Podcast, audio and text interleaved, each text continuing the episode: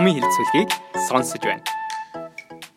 Дэлхийн 2 дугаар дайнаас өмнө Англи улсын тэнгисийн зэргийн баазыг байрлуулж байсан намгархаг жижиг арал дээрх байгалийн баялаг байтугай ундны урсч байхгүй Хятад, Малай, Энэтхэг зэрэг олон үндэснээс бүрдсэн энэ жижиг хотыг буюу улсыг тухайн үед олон улсын бодлого тодорхойлогчид Английн цэрэг гарч явсны дараа товчхондоо баларна гэж үзэж байсан.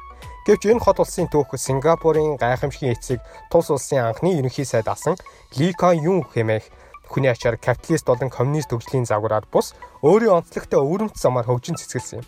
Энэ бол байгалийн баялаггүй энэ хот улс хэрхэн дэлхийн хамгийн баян орнуудын нэг болсон тухай дэлгэрэнгүй төв. Тус дугаарыг хамгийн анх 2017 оны 3 сарын 11-ний өдөр видео хэлбэрээр хүргэж байсан бол өнөөдөр та бүхэндээ подкаст болгон дахин хүргэж байгаа да туйлын их байртай байна. Ингээд цаашийн дугаараа хамтдаа эхлүүлцгээе. Сингапурын хөгжлийн нууц буюу Сингапур улс энэ Ли Куан Югийн бичсэн 3 дахь ертөнцийн орон өсрөнгөө хөгжилд хүрсэн түүх гэдэг 1965 оноос 2000 он хүртэл энэхүү 35 жилийн хугацаанд арлын нэгэн Сингапур гэдэг улс дэлхийн тавцанд хэрхэн гарч ирсэн тухай маш сонирхолтой зүйлүүдийг энэ номон дээр бичсэн байгаа. Тэгээ энэ зүйлийг та бүхэн тэгээ өнөөдөр нээлттэйгээр хуваалцъя гэж бодож байна. За хамгийн ихний яриагаа бол арал дээр тогтсон улс Өнөөдөр дэлхийн хэмжээний дэлхийн санхүүгийн төв болцсон. Өнөөдөр дэлхийн худалдаа арилжааны томоохон бомб өнөөдөр тэнд төвлөрч байна. Азийн бар улс болсон хэрхэн хөгжсөн тухай энэхүү маш сонирхолтой жишээнүүдийг энэ номоор дамжуулаад та бүхэнд хэлье гэж бодож байна. Тэгээ дэлхийн 2 дугаар дайнаас өмнө Англи улсын колони байсан. Тэгэхээр бол колончлалын маш хүнд хэцүү үеүүдийг бол Сингапур улс өөрөө бол даваад дараад өдийг хүртэл яваад ирсэн гэж ойлгож байна. Тэгээ 1959 онд Ли Куан Ю Сингапурын ерөнхий сайдаар бол хамгийн анх ажиллаж эхэлсэн. Тэр цаг үеэс өөрийнх нь Сингапур улсад өөрийнхөө оюун ухаан болон хүч хөдөлмөрөө зориулах сэтгэл зүрх нь бол тэр үеэс цохилж эхэлсэн гэж ойлгож байна. Тухайн үед өөрөө гадаадад ихтэй сургууль төгсөөд Сингапурт очиж ирсэн.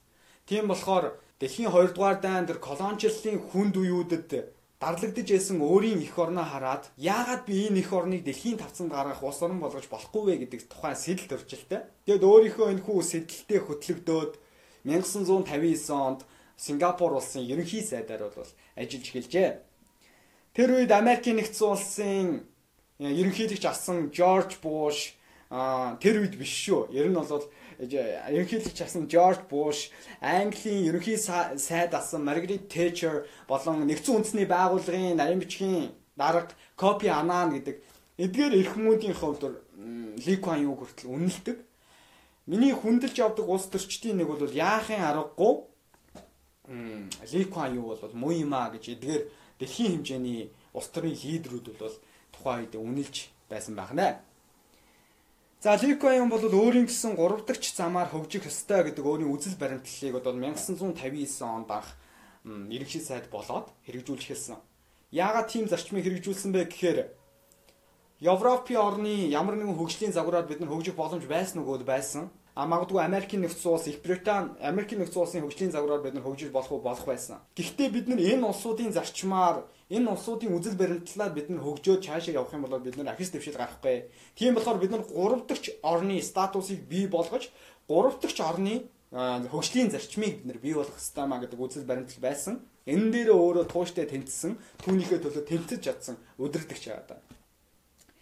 Тэгээ одоо та бүхэн харах юм бол Сингапур улсын газар нутгийн хэмжээ бол одоо ингээд дэлхийн газрын зураг дээр харах юм бол нүдэнд бол өчөөхөн хэмжээнд харагдах маш жижигхэн газрын зураг байгаа тий 640 км квадрат 640 км квадрат газар нутаг гэдэг бол өнөөдөр Улаанбаатар хотын газар нутгийн хэмжээ бол 4700 км квадрат тэгэхээр Улаанбаатар хотын газар нутгийн хэмжээнээс 10 дахин 9 дахин бага хэмжээтэй тийм газар нутаг байгаа. Тэгээ жирийн нэг арал дээр тогтсон байхгүй юу? Арал дээр тогтсон улс. Тэгэхээр чин ийм жижиг улс тэгээ байгалийн баялаг өөрөө байхгүй. Байгалийн баялаг байхгүй. Тэгээ байгалийн баялаг байхгүй. Усаа хүртэл өөрөөсөө худалдаж авдаг. Ийм улсыг зах зээл нь өөрөө дэндүү жижигхэн. Тийм болохоор ийм улсыг яаж дэлхийн тавцанд гаргасан юм бэ гэдэг. Томоохон хүндгэн хүндгэн сорилтууд бол тулгарч байсан. За тэр сорилт болгоныг бол хэрхэн даван туулсан юм бэ гэдэг асуудлыг бол бас Ли Куан Ю 800 хуудас номонд бол Багтаан гэдэг бол өөрөө чанга За тэгээд 1959 онд ерөнхий сайдаар ажиллаж яваад одоо 1942 оны дайны гамшигыг одоо яг өөрийн биеэр мэдэрч байсан. Японы эзлэн төрөмгийлэл бол тухайн үед бол маш харгас байсан. Тэ 1942 он штэ. Япон улс бол маш олон улсыг эзлэн төрөмгийлж тэр Японы дарангуйлал бол газар автсан тийм хүн цаг үе байжээ.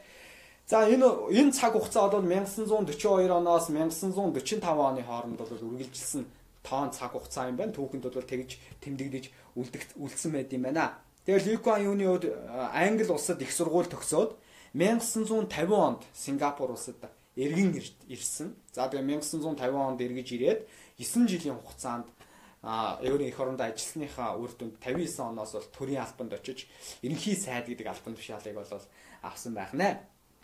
За тэгээ Сингапур улсын хамгийн анхны сонгуул бол 59 онд болсон. Тэгээ ерөнхий сайд болсон нас нь бол 35хан наснда болсон ба. Тэр 35хан наснда ерөнхий сайдын албан тушаалд очсон гэхээр дэндүү залуугаараа ерөнхий сайдын албан тушаалд очсон гэж та ах ойлгож болно. За тэгээ 59 онд ерөнхий сайдаар ажиллаад үйл өөрийнх нь улс төрийн үйл ажиллагааг ингээд явж гаад 63 онд Малай улстай нэгдсэн. За Малай үндэстэн буюу одоогийн бол Малайз байгаа. Тэгээд Малайз гэдэг энэ улстай нэгдээд хамтарч нэг улс байгуулсан байгаа. Малайзын холбооны улсад нэгдэн орсон байгаа Сингапур улс.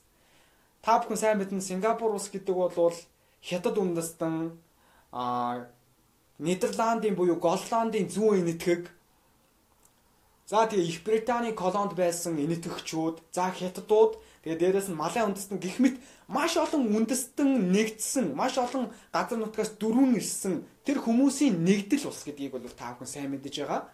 Энэ хүмүүсийг хэрхэн нэг зангилаанд барьсан бэ гэдэг бол өөрөө хамгийн том ухаан шинжлэх ухаан байж чадсан. Тэгээд улс орон болгоны үндэсний хүмүүс ирсэн болохоор өөр үндэсний дархлаа гэж байгаагүй. Магадгүй өнөөдөр Монгол улсад ардын дуу гэж байдаг а үндэстэн угсаатны хувцас үндэс угсаатны соёл гэж өнөөдөр байгаад байгаа. Гэвч Сингапур улсад өөрийн гэсэн ардын дуу гэж байхгүй. Үндэсний өв уламжлал гэж тэр улсад байхгүй. Яагаад гэхээр тухайн өөр өөр улс болгоны хүмүүс үндэстэн угсаатанд нийлээд нэг улсыг бий болгоцсон болохоор Энэ хүмүүсийн хувьд бол хоорондоо үндэсний э, үндэстэн хоорондын тэмцэл мөргөлдөөн бол нилээн нилээн гарч эхэлсэн баг.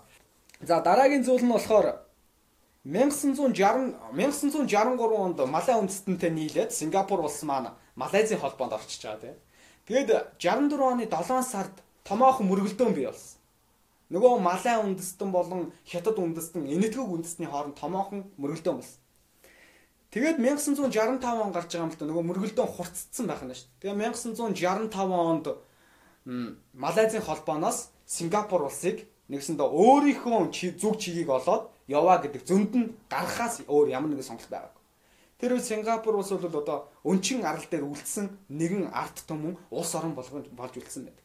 Яа тэгэхээр дэлхийн 2 дугаар дайны үед Их Британи улсын колонд байсан гэж та бүхэн ойлгосон. Тэгэхээр Их Британи улсын колонд байсан энэ улс Их Британи улс нуран унаад нэгсэндээ Их Британи улсын энэ нуран уналтыг Роми эзэнт гүрний нуран уналттай бол зүүрлэж хэлсэн байдаг. Тэгээ Их Британи улс өөрөө задраад нуран унсан болохоор Сингапур улсаас өөрөө өөртөө гарч явахаас өөр сонголт байгаагүй. Тийм болохоор жирийн нэгэн 604 м квадрат газар нутаг дээр өнчин арал дээр хоцорч үлдсэн ард түм юм а гэж э, зүүрлэж тухайн үед хэлж ирсэн. За тэгээд 65 оноос Малайзийн холбооноос гараад Сингапур гэдэг бие даасан улсыг тусгаар тогтсон улсыг бол бий болгож чадсан юм аа гэдгийг онцлогийг бол та бүхэнд хэлхэн зүйтэй байх. За 65 оноос хойших тэр 3 жил бол хамгийн хүнд 3 жил байсан. Ли Ква Югийн хувьд бол маш хүнд бэрхшээлтэй асуудлуудтай тулгарсан он жилүүд байлаа. За тэгээ 1971 онд бий болгосон ажлын байр, 1973 онд бий болсон нефтийн хямрал, 73 оны нефтийн хямрал Араби орнууд болон Израиль хоорондын дайн тулаан хурцдмал байдал төрсэн Сингапурын зэрэгэлдэх улсууд. Тэгээ тэр үед Араб улс яасан бэ гэхээр нефтэндээ хориг тавьсан байна л да. Тэгээ нефтэндээ хориг тавингууд нефтийн үн тухайд дөрөв дахин өссөн. Тэгэхээр энэ 73 оны эдийн засгийн томоохон хямрал энэ болгоны хэрхэн даван туулсан тухай бол энэ номонд дэлгэрэнгүй бичсэн байлаа. Сингапур улс нэг хүнд ноогдох дотоодын нийт бүтээгдэхүүн 1959 онд 400 ам доллар байсан. За 1992 онд тэгээ 12200 ам доллар болж өсөлт үзүүлсэн. Тэгэхээр 35 жилийн дотор ямар томоохон тесрэлтийг хийсэн бэ? Дотоодын нийтвүүдийг ингэж өндөрт өсгөж чадсан бэ гэдгийг бол одоо дараа дараагийнхаа жишээгээр би ингээд дэлгэрэнгүй тайлбарлаад ингээд явъя. За тэгээ зүсэн бүрийн дөрөвсөд ирсэн гэж би та бүхэнд хэлсэн. Тэгээ 1965 онд Сингапур улс бие дааж тусгаад тогтносон үед Ли Куан Юугийн хувьд 42 настай байсан. За 42 настай энэ эрхмийн хувьд 65 онд Сингапур улсын төрийн тэргүүн болчихно. За энэ цаг үеэс эхлээд бол яг төрийн эрх мэдлийг гартаа аваад өөрийн үйл ажиллагаа, өөрийн санаачлагаа бол хэрэгжүүлээд явсан гэж та бүхэн шууд утгаараа ойлгож болно. За Сингапур бол англичуудын байгуулсан худалдааны жижиг бомб байсан. Одоо та бүхэн Сингапурын түүхийг үзэх юм бол түүхийг үзэх юм бол Англи улс л худалдааны зорилгоор ашиглах гэж байгуулсан арлын нэгэн жижиг бомб байсан. Гэтэл Их Британи улс далай тэнгисийг эзлээд далай тэнгисийн түрэмгийлснээрээ Тэр нь өөрөө маш том эдийн засгийн стратегийн төв болж чадсан, бомб болж чадсан. Гэхдээ Их Британи нуруу унсан тэр цагаас эхлээд Сингапур улс өөрөө өөрийнхөө амийг аргацаах, өөрөө өөрийнхөө улс орныг авч явахаас өөр сонголт бол үлдээг юм аа. За одоо 65 оноос хойш нэг том асуудал нь юу болсон бэ гэхээр Их Британи улс цэргээ гаргахаар болсон. Яа тэгэхээр мэдээж Их Британи улс бол за одоо та бүхэн өөрсдийнхөө асуудлыг өөрсдөө шийдээд яваа гэж Сингапур улсаас гарчиж штеп. Тэгэд энэ цаг үед нэгэнт Сингапуроос тусгаар тогтнодсон хүлээн дэлхийд дахинд хүлээн зөвшөөрөгдөд эхэлсэн энэ улсын орхин гарахаас өөр сонголт байгаа. Тэр үед Ли Куан Юугийн хэд хэдэн удаагийн давтамжтайгаар Англи улсыг зорьсон байдаг. Яагаад зорьсон бэ гэхээр Синг Их Британи улс өөрийн цэргийн баазаа орхин гарах шийдвэр гаргана гэж мэдээлэл явж эхэлсэн. Тийм болохоор өөрөө Их Британи улсын цэргийн бааз нь болохоор маш олон ажлын байрыг бий болгож байсан. Сингапур улсын тухайн үеийн дотоодын нийт бүтээгдэхүүний 20 гаруй хувийг нь Их Британий цэргийн баазууд бий болгодог, орлого оруулдаг байсан байх нь. Тийм болохоор та бүхэн цэргээ гарах хугацаагаа хэсэг хугацаанд сунгаач гэдэг хүсэл тавьдаг байсан. Их Британи улсын төрийн тэргүүнүүдэд, ерөнхий сайдад, харьяалагдах яамдуудад ийм санал тавьсан байна л да. Тэгээ хэсэг хугацааны ингээд санал тавьсны үр дүнд өөрөө 71 онд бид нэр эцсийн байдлаар цэргээ гаргана гэдэг хүсэлтийг буюу шаардлагыг эргүүлээд хүргэсэн байдаг. Тэгээд 71 он хүртэл Сингапур улсад бол цэрэг бол ингээд байршихаас байрших тийм хилцээрт бол хоорондоо хүрсэн. Тэгээд Сингапур улс буюу Ли Куан Юугийн хувьд бол хамгийн ихний сонголт нь айран байгуулах байсан. Бид нэр өнөөдөр бие даасан улс болчлоо. Тэгэхээр хөрс зэрэгэлдэх Индонез, Малайз гэдэг улсуудын хувьд бол Сингапур гэдэг тэр арлын жижигхэн улсыг эзлэн түрэмгийлэх гэж маш томоохон томоохон оролдлогуудыг хийж эхэлсэн. Тэгэд үүнээс бид нар өөрсдийгөө хамгаалахын тулд бид нар өөрийн гэсэн айрмыг өнөөдөр байгуулах ёстой гэдэг үзэл баримтал байсан. Тэгэхээр өөрийн айрмыг байгуулахын тулд хамгийн эхлээд бид нар юу хийх ёстой вэ гэж. Яа тэгэхээр нэгч батальон цэрэг байгаагүй, нэгч нэгч дивиз цэрэг байгаагүй. Тийм болохоор өөрийн ард иргэдийг л бид нар өнөөдөр дайчлагаас өөр ямар нэгэн сонголт бид нар байхгүй гэдэг энэ шаардлага бол өөрт нь бий болж эхэлжээ. За 1965 оны 12 сард парламентын нээлтийн ажиллагаа болсон. Куан Югийн төрийн тэргүүнээс сонгогдоод хамгийн анхны парламентын нээлтийн ажиллагаа болж байгаа. Тэгээ тэр үед нөгөө э, парламентын ордон л өөрийнхөө машинаар ингэ явна шүү дээ, тий. Тэр үед хамгаалах зэрэг байгаагүй. Тийм болохоор Малайз улсаас тухайд аа би Малайз улсын цэргүүд таныг одоо хамгаалж явна гэдэг шаардлага өргүүлж ирсэн. Тэгээ түүнээс өөрөө татгалзах ямар нэгэн боломж бол байхгүй шүү дээ. Яг тэгээ Сингапурт өөрт нь цэрэг байхгүй. Тийм болохоор нэгсэнд бол Малайз улс бол та нар хэдий тусгаар тогтносон ч гэсэн бидний харьяанд байгаа шүү гэдэг утгыг бол тэрхүү мессежээр бол өгж байсан байна. За тэгээд парламентын нээлтийн ажиллагаа болсноос хойш бүх ард иргэдэд батлан хамгаалах үүсэд бол татан оролцуулсан юм аа өөр сонголт байгаагүй. Тэгэхээр жирийн нэгэн албан төрийн албан хаагч, ажил олгогч, бизнесмен, эцэг их болон сурагчдад бүх хүмүүсийг энэ батлан хамгаалах үүс рүү бол татан оролцуулсан юм аа. Энэ нь бол эргээд маш том үр дүнийг бол өгсөн байд юм байлаа. За дараа нь батлан хамгаалахын салбарт буюу Сингапурын зэвсэгт хүчинд хийсэн дараагийн томоохон нээлт нь юу вэ гэхээр 71 оноос энэхүү шилдэг залуусын шилдэг залуу офицеруудыг гадаадын улс орн руу сургаж эхэлсэн байна. Тэр нь юу вэ гэхээр Сингапурын зэвсэгт хүчний гадаад тэтгэлэг гэдэг нэг журам батлагдсан. Тэрэнд үнэхээр сайн байгаа шилдэг офицеруудыг, залуу офицеруудыг Их Британи улсын Оксфордын их сургууль, Их Британи улсын шилдэг шилдэг Английн шилдэг шилдэг тухайд Их Британи улс Английн шилдэг шилдэг сургууль руу тэтгэлэгтэйгээ сургаж эхэлсэн. Тухайн тэтгэлэгт нь ямар журамтай вэ гэхээр сургалтын төлбөрийг өгчөж байгаа байрыг өгчөж байгаа, хоолыг өгчөж байгаа. Тэгээд дислэгчийн цалинг нь өгдөг. Тийм том тэтгэлэг байдаг болсон байна.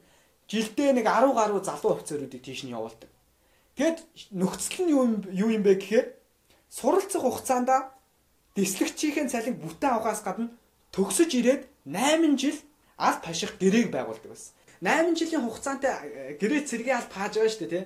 Тэр хугацаанд бас зүгээр хаахгүй 3 удаагийн давтамжтай цэргүүд явуулдаг байсан. Нөгөө Оксфордын сургууль, Их Британий сургуулиудад боловсрол эзэмшээд ирж байгаа хүмүүс маань ирээд төрийн албанд 8 жил ажиллахдаа Америкийн нэгдсэн улсын Harvard-ийн сургууль бол Америкийн нэгдсэн улсын томоохон томоохон сургуулиудад буудлага, зэвсэг, эсвэл холбооны чиглэлээр мэрэгшүүлэх курс явдаг байсан байна. За хоёр дахь удаага болохоор цэргийн хүн хүч командлалын чиглэлээр хүмүүсээ явуулдаг гэсэн. За гурав дахь удаас удаага явуулахдаа нийгмийн болон бизнесийн удирдлагаар Harvard бол Stanford-ийн их сургууль нөгөө шилдэг офицеруудаа чааш нь ингээд явуулдаг байсан байна. Тэгэхээр Сингапур улсын өнөөгийн хөгжлийн томоохон нууц нь юу юм бэ гэхээр боловсролтой ийм хэмжээд анхаардаг байсан байна.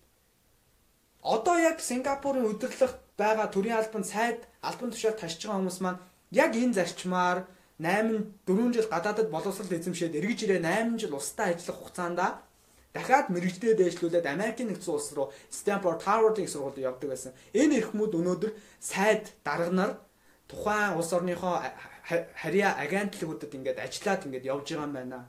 Тэгэхээр боловсролын систем гэдэг бол өөрөө тухайн улс орны бол хөгжилтэй бол сашгүй нэг холбоотой юм байна.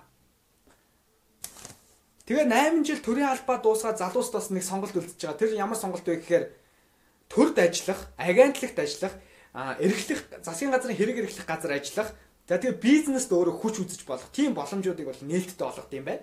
Тэгэхээр бол 8 жил төрд ажиллаа та бол хүссэн ажил мэргэжлээ бол хийх сонголтыг бол танд өгдөө гэж таах болгож болно. Жил бүр бол тэгээ 10 гаруй залуусыг бол ингэж явуулдаг ахнаа. Тэгээд энэхүү тэтгэлэг төлбөрт хамрагдсан хамгийн анхны залуусыг би энэ дээр бичээд авсан байгаа. Тэгээд тэр нэрийн та бүхэнд ингэж хэлье. Аа өөрийнхөө хүүг явуулсан байгаа Ликон юу? Бригадын генерал Ли Сун Лүн гэж байгаа. Өөрийнх нь хүн байгаа. Ли Кон Юг. За бригадын генерал Жорж Йо, дэд хурандаа Ли Минг Кян, адмирал Тэ Чи Хин гэсэн энэ хамгийн анхны явсан энэ дөрвөн том генерал байгаа. Тэгээ энэ дөрвөн том генерал бол эргэж ирээд засгийн газрынхаа сайд нар болоод бол ажиллаж байгаа юм байна. За одоо тэгвэл цэргийнхээ армийг Сингапур улс ингээд байгуулад ингээд явсан юм байна тийм Сингапур улс. Гэхдээ газар нутгийн хувьд би хэлээд байгаа тийм 600 м квадрат газар нутагт бас орон байхгүй юу. Тийм болохоор нөгөө бригад бий болгоод, дивиз бий болгоод эхлэхээр хээрийн сургуульд хийх газаргүй болж эхэлсэн. Тэгээд хээрийн сургуульд хийх газар газартай болохын тулд ямар арга ашигласан бэ гэхээр зэрэгэлдэх улс орныхоо Тайван улсынхаа ерөнхийлөгчтэй хэлэлцээр хийсэн. За хэлэлцээр хийгээд танай газар нутаг дээр бид нар хээрийн сургуультай хий, хамтарсан хээрийн сургууль хий гэдэг санал тавьсан байна. Тэгэхээр энэ нь өөрөө хилцээр нь амжилтанд хүрээ Тайван улсад өөрийнхөө хэрийн сургуультыг явуулдаг болсон. Тайванд хийсэн сургуулийнхаа үеэр холбооны бүгд найрамдах Герман улсын чөлөөнд гарсан генерал Зигфрид Шулц гэдэг ахлах тушаалын офицеруудад байлдааны тактикийн нарийн ширээнийг зааж зөвлөдөг байсан гэж. Тэгэхээр Ли Куан Югийн нэг толгойд нь маш тод ажилласан зүйл нь болохоор гадаадын мэрэгчлэтнүүдийг өөртөө маш ихээр татаж чадсан. Яагаад тэгэхээр өөрийнх нь улс орны иргэд бол хангалттай хэмжээнд боловсрол эзэмшээгүй байгаа шүү дээ тухайд ядуу бүрээ тийм орн байсан. Тэр гадны хүмүүсийг авчирч сургадаг, гадны хүмүүсийг авчирч зааварчилгаа өгөх тэр боломж болцоогоор нь бол ингэж хангаж яадаг. Тэр нөхцлөөр нь бүрдүүлж яадаг нь бол нэг том олтон байсан. За тэгээ нислэгийн бааз гэдэг зүйл. Өөрийн нисэх хүчнийг бий болгосон. Тэгээ өөрийн нисэх хүчнийг бий болгосон болохоор Филиппин улсад өөрийнхөө нислэгийн баазыг шилжүүлэхээр болсон. Тэр үед Америкийн нэгдсэн улс Филиппинийг Филиппины өөрийнхөө захиргаанд оруулсан байсан болохоор Америкийн улс бас Филиппинтэй харилцан тохиролцсон үндэд тэнд нисэх хүчнийхээ бэлтгэл болоод хийхээр болсон байдаг юм байна. За Их Британи улс бол 1971 онд албан ёсоор бол цэргээ ингэж гаргаж байгаа. Тэр цаг үеэс эхлээд Сингапур улсын хувьд ажилгүйдэл гэдэг зүйл бол томоор нүүрлэх нүүрлэх аюулт игдэж ирсэн. Тэр ажилгүйдлийг бол 1965 оноос эхэлж бол харж эхэлсэн байсан. Их Британи улсын цэргийн бааз нь Сингапур улсын дотоодын нийт идэвхтэйг 20% бүрдүүлэхээс гадна 30 мянган иргэнийг ажлын байраар хангадаг, 40 мянган иргэнийг шууд бус ажлын байраар хангадаг байсан. Тэгэхээр нөгөө цэргийн баазыг орхиод их Британий цэргүүд гарчих юм бол 30 мянган ажлын байр эзгүй болох гэдэг тий. Ийм эрсдэл нүүрлэх гэдэг. Тэгэхээр тэр цаг үеэс эхэлж 65 оноос өөрийн төрийн эрх мэдлийг аваад бид нар аж үйлдвэрчлэлтийг хөгжүүлэх хэрэгтэй. Хэрвээ их цэргийн бааз ингээ гараа авчих юм бол бид нар тэр ажилгүйдлийг хэрхэн ажилгүй хүмүүсийг хэрхэн ажилтай болгох вэ гэдэг боломж олцоо биднэрт хэрэгтэй байна. Тийм болохоор аж үйлдвэрчлэлт буюу үндэстэн дамсан корпорациудыг Сингапур улсад татаж оруулах тэр болгоны тэр хүмүүсийг энд өөрийн үйл ажиллагаа өөрийн бизнесээ явуулах боломж нөхцөлөнд хангах ёстой гэдэг зүйлийг бол нэг төрөнд барьж байсан. Сингапурын хувьд бол худалдаа чадах нь бол өөрийнхөө чинээнд бол хангалттай хэмжээнд хүрсэн байсан. Тийм болохоор гадаадын улс орноос хөрөнгө оруулалт татах үндэстэн дамсан корпорациудыг авчирхаас өөр сонголт бол байгаагүй. За хамгийн эхний хэрэгжүүлж эхэлсэн зүйл нь одоо эдийн засгийн чадвараа дээшлүүлэх гэж оролцсон нэг зүйл нь бол аялал жуулчлал аялал жуулчлалыг хөгжүүлэх саналыг бол тухайн нэг сайдан санал болгосон. Яагаад тэгэхээр аялал жуулчлал бол хөрөнгө оруулалт бол харьцангуй бага шаарддаг. Тийм болохоор энэ салбарыг бид нэр хөгжүүлэх заашгүй хэрэгтэй юм шүү гэдэг үүднээс аялал жуулчлалд бол нэгсэндээ хөл тавьсан гэж таах ойлгож байна. Тэгээ Монгол орны гэсэн бид нар аялал жуулчлалаа хангалттай хэмжээнд хөгжүүлээд явах боломж байгаа. Яг тэгт хөрөнгө оруулалт бол харьцангуй бага шаарддаг. Тийм салбар байгаа. За тэгээ аялал жуулчлалтын журон гэдэг журан гэдэг бүс байгуулсан. Тэгэхдээ тэр бүст нь төдийлөн амжилт олоогүй. Яг тэгэхээр тухайн цаг үед биднэрт ийм үйлдвэрийн санаа байна гэсэн болгоныг дэмжиж байсан өөрөө. Лекон юу. Жишээ нь О ингэсэг болон шумуулын тос үйлдвэрлэдэг үйлдвэрлэлийг дэмжсэн радио болон телевизийн тоног төхөөрөмж үйлдвэрлэдэг үйлдвэрлэлийг дэмжсэн Лекон юу бүх үйлдвэрлэлийг л дэмжиж эхэлсэн загсны бүр нөгөө дэгэ хийх тэр үйлдвэрлэлийг хүртэл дэмжсэн. Гэхдээ нэг зүйлийг Лекан юу өөрөө бодолцоогүй тухайд тэр нь юу вэ гэхээр өнөөдөр Сингапур улс ундны усаа худалдаж явдаг тийм үү. Тэгэхээр гол голын усыг бол бохирдуулах нэг бол маш ихээр үзий яддаг. Ягаад гэвэл усгүй орн штэ. Ус ямар үн цэнтэй вэ гэдгийг өнөөдөр Сингапур улс мэддэг тий. Тэгээ Сингапур улсад Coca-Cola маш хямдхан, ус нь өөрөө ямар үнэтэй байдаг лээ тий. Тийм болохоор нөгөө журам бүсэд ажуулдрын бүс байгуулсан чинь нөгөө журам бүсэд нь нөгөө ус ус маш хэмжээгээр шаардах тийм үйлдвэржилтүүдийг нэгсэндээ хэрэгжүүлж эхэлсэн гэж ойлгож байна. Тэр нь өөрөө том эрсдлийг дагуулсан. Тийм болохоор журам бүс буюу тухайн аж үйлдвэрчлэлтийн бүс бол хөгжөөгүй тийм асуудлыг бол үүсгэсэн юм байна. За тэгээд үйлдвэрчлэлт нь ямар ямар үйлдвэрчлэлтийг хэрэгжүүлсэн бэ гэхээр усан онгоц үйлдвэрлэх, усан онгоц засах үйлдвэрлэлийг хэрэгжүүлсэн. Гэхдээ тухайн үед өөрийн гэсэн ган хийц үйлдвэр байгаагүй. Тийм болохоор Япон улсаас өөрийн тоног төхөөрөмжийг импортоор оруулж ирдэг байсан. Тийм болохоор Япон улсын хамтын ажиллагааны хүрээнд энэ бүх үйлдвэржилтийг бол хэрэгжүүлсэн гэж ойлгож болно. Яг тэр хөдөлгөөр хүртэл үйлдвэрлэх боломж Сингапур улсад байгаагүй шүү. Тийм болохоор Япон улсаас дандаа тоног төхөөрөмжийг татаж авч ирсэн байна. За эхний жилүүдэд бол иймэрхүү хүндхэн байдал бол бий болсон. А гэхдээ Их Британи улс цэргүүд цэргүүд нь цэргүүд нь цэргийн баазаа орхиж гарсан гэсэн иргэний зориулалтаар иргэний зориулалтаар ашиглах тийм боломж болцоог өгнө гэсэн бол Сингапур улс а би Их Британи улсад санал болгосон. Яг тэгэхээр Сингапур улсын маш олон цэргүүд тэр баазад байрлаж ирсэн шүү дээ. Тэгэхээр тэр бааз нь өөрөө эзгүй үлдчих үлдэх гээд байгаа байхгүй. Тийм болохоор иргэний зориулалтаар ашиглах боломж болцоог нь бол нэгсэн доо а ойлгосон. Тэгээд нөгөө хилцээр нь тодорхой хэмжээнд амжилтанд хүрсэн нэг амжилтанд хүрсэн болохоор иргэний зориулалтаа тухайн баазуудыг ашиглах боломжтой болсон. За Лекуан юугийн хувьд бол Сингапураас эргэж ирээд Сингапураас эргэж ирээд нэгэн удаа ярилцлага өгсөн байдаг. Тэр ярилцлага нь энэ номын хамгийн гайхалтай хэсэг. Юу гэж хэлсэн бэ гэхээр бид нар бол нэлцгай хүмүүс биш, сул дорой хүмүүс биш. Сул дорой нэлцгай хүмүүс л амар хэлбэр амьдралаар амьдрахыг амлсан хүмүүсийг сонгодог юм а гэж. Тийм ч болохоор бид нар өнөөдөр тийм сонголтыг хийхгүйгээр хамтдаа цаашаа хөгжөөд явах болно гэж. Үнгүй зүйл гэж хязээж байдаггүй. Сингапур улсад үнгүй зүйл өнөөдөр бид нар юу ч яахгүй бид нар ундны усаа худалдаж авдаг. Тэр энэ дээр би нэг гоё сонирхолтой жишээ хэлэх гээд байгаа. Үнгүй өгөөш бол үнгүй хоол бол харахны өгөөшөнд л байдаг юм аа. Тэгэхээр амар хэлбэр амьдрал гэж бол хязээж байхгүй. Тийм болохоор бол хамтдаа хүнд хэцүү үеүүдийг тур хайрдарлын хувьд ингээд холбоод ингээд ярил л тань хамтдаа хүнд хэцүү үеүүдийг ингээд туулаад би биендээ ямар нэгэн асуудал байгаа бол тэр асуудлыг хамтдаа шийдээд яваад энэ амьдралыг бий болгоод нойлоос нь эхлээд амьдралыг бий болгох нэг амьдрал За нөгөө амьдрал нь юу вэ гэхээр танд өөрийн гэсэн өөрийн гэсэн зүйлийг бий болгоцсон. Гэхдээ танд амар хэлбэр амьдралыг амлаж байна. Танд сайн сайхан амьдралыг амлаж байна. Хамтдаа өөрийнхөө гэсэн мөрөөдлийн төлөө ингээд явж болж байна гэдэг энэ нэг амьдрал. Тэг ийм нэг хоёр амьдрал байна л да тийм. Энэ хоёр амьдралын алийг сонгохой гэдэг бол таны сонголт байгаа.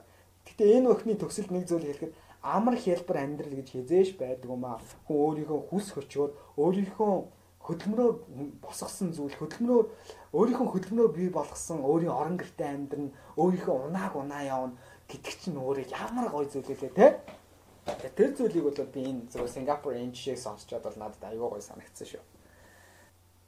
За тэгээд Америкийн нэгдсэн улстай хамтарч ажиллах дараагийн нэг гэрээ бий болж байгаа. Тэгээд Америкийн нэгдсэн улстай яг хамтарч ажиллах болсон байх гэхээр Америкийн нэгдсэн улсын үндэстэн дансан корпорациудыг бид нар өнөөдөр ийш нь татан оролцуулах ёстой гэдэг дараагийн нэг сонголт байсан. Тийм болохоор Ли Куан Югийн хувьд Америкийн нэгдсэн улсын толгой бизнесмен бизнесмэнүүдтэй уулзч эхэлсэн. Маш олон удаагийн уулзалт хийсэн Сингапур улсад та бүхэн өнөөдөр хөрөнгө оруулаад өөрсдийн худалдаагаа хийх, бизнес хийх боломж нь танд байна. Тэр боломжоо нь бид нар хангаж өгөө. Татвараас нь хөнгөлөе. Танд ажиллах боломжийг нь өгье. Бидэнд итэг гэдэг. Тэгэхээр сүүлд Сингапур улс хэлсэн байдаг.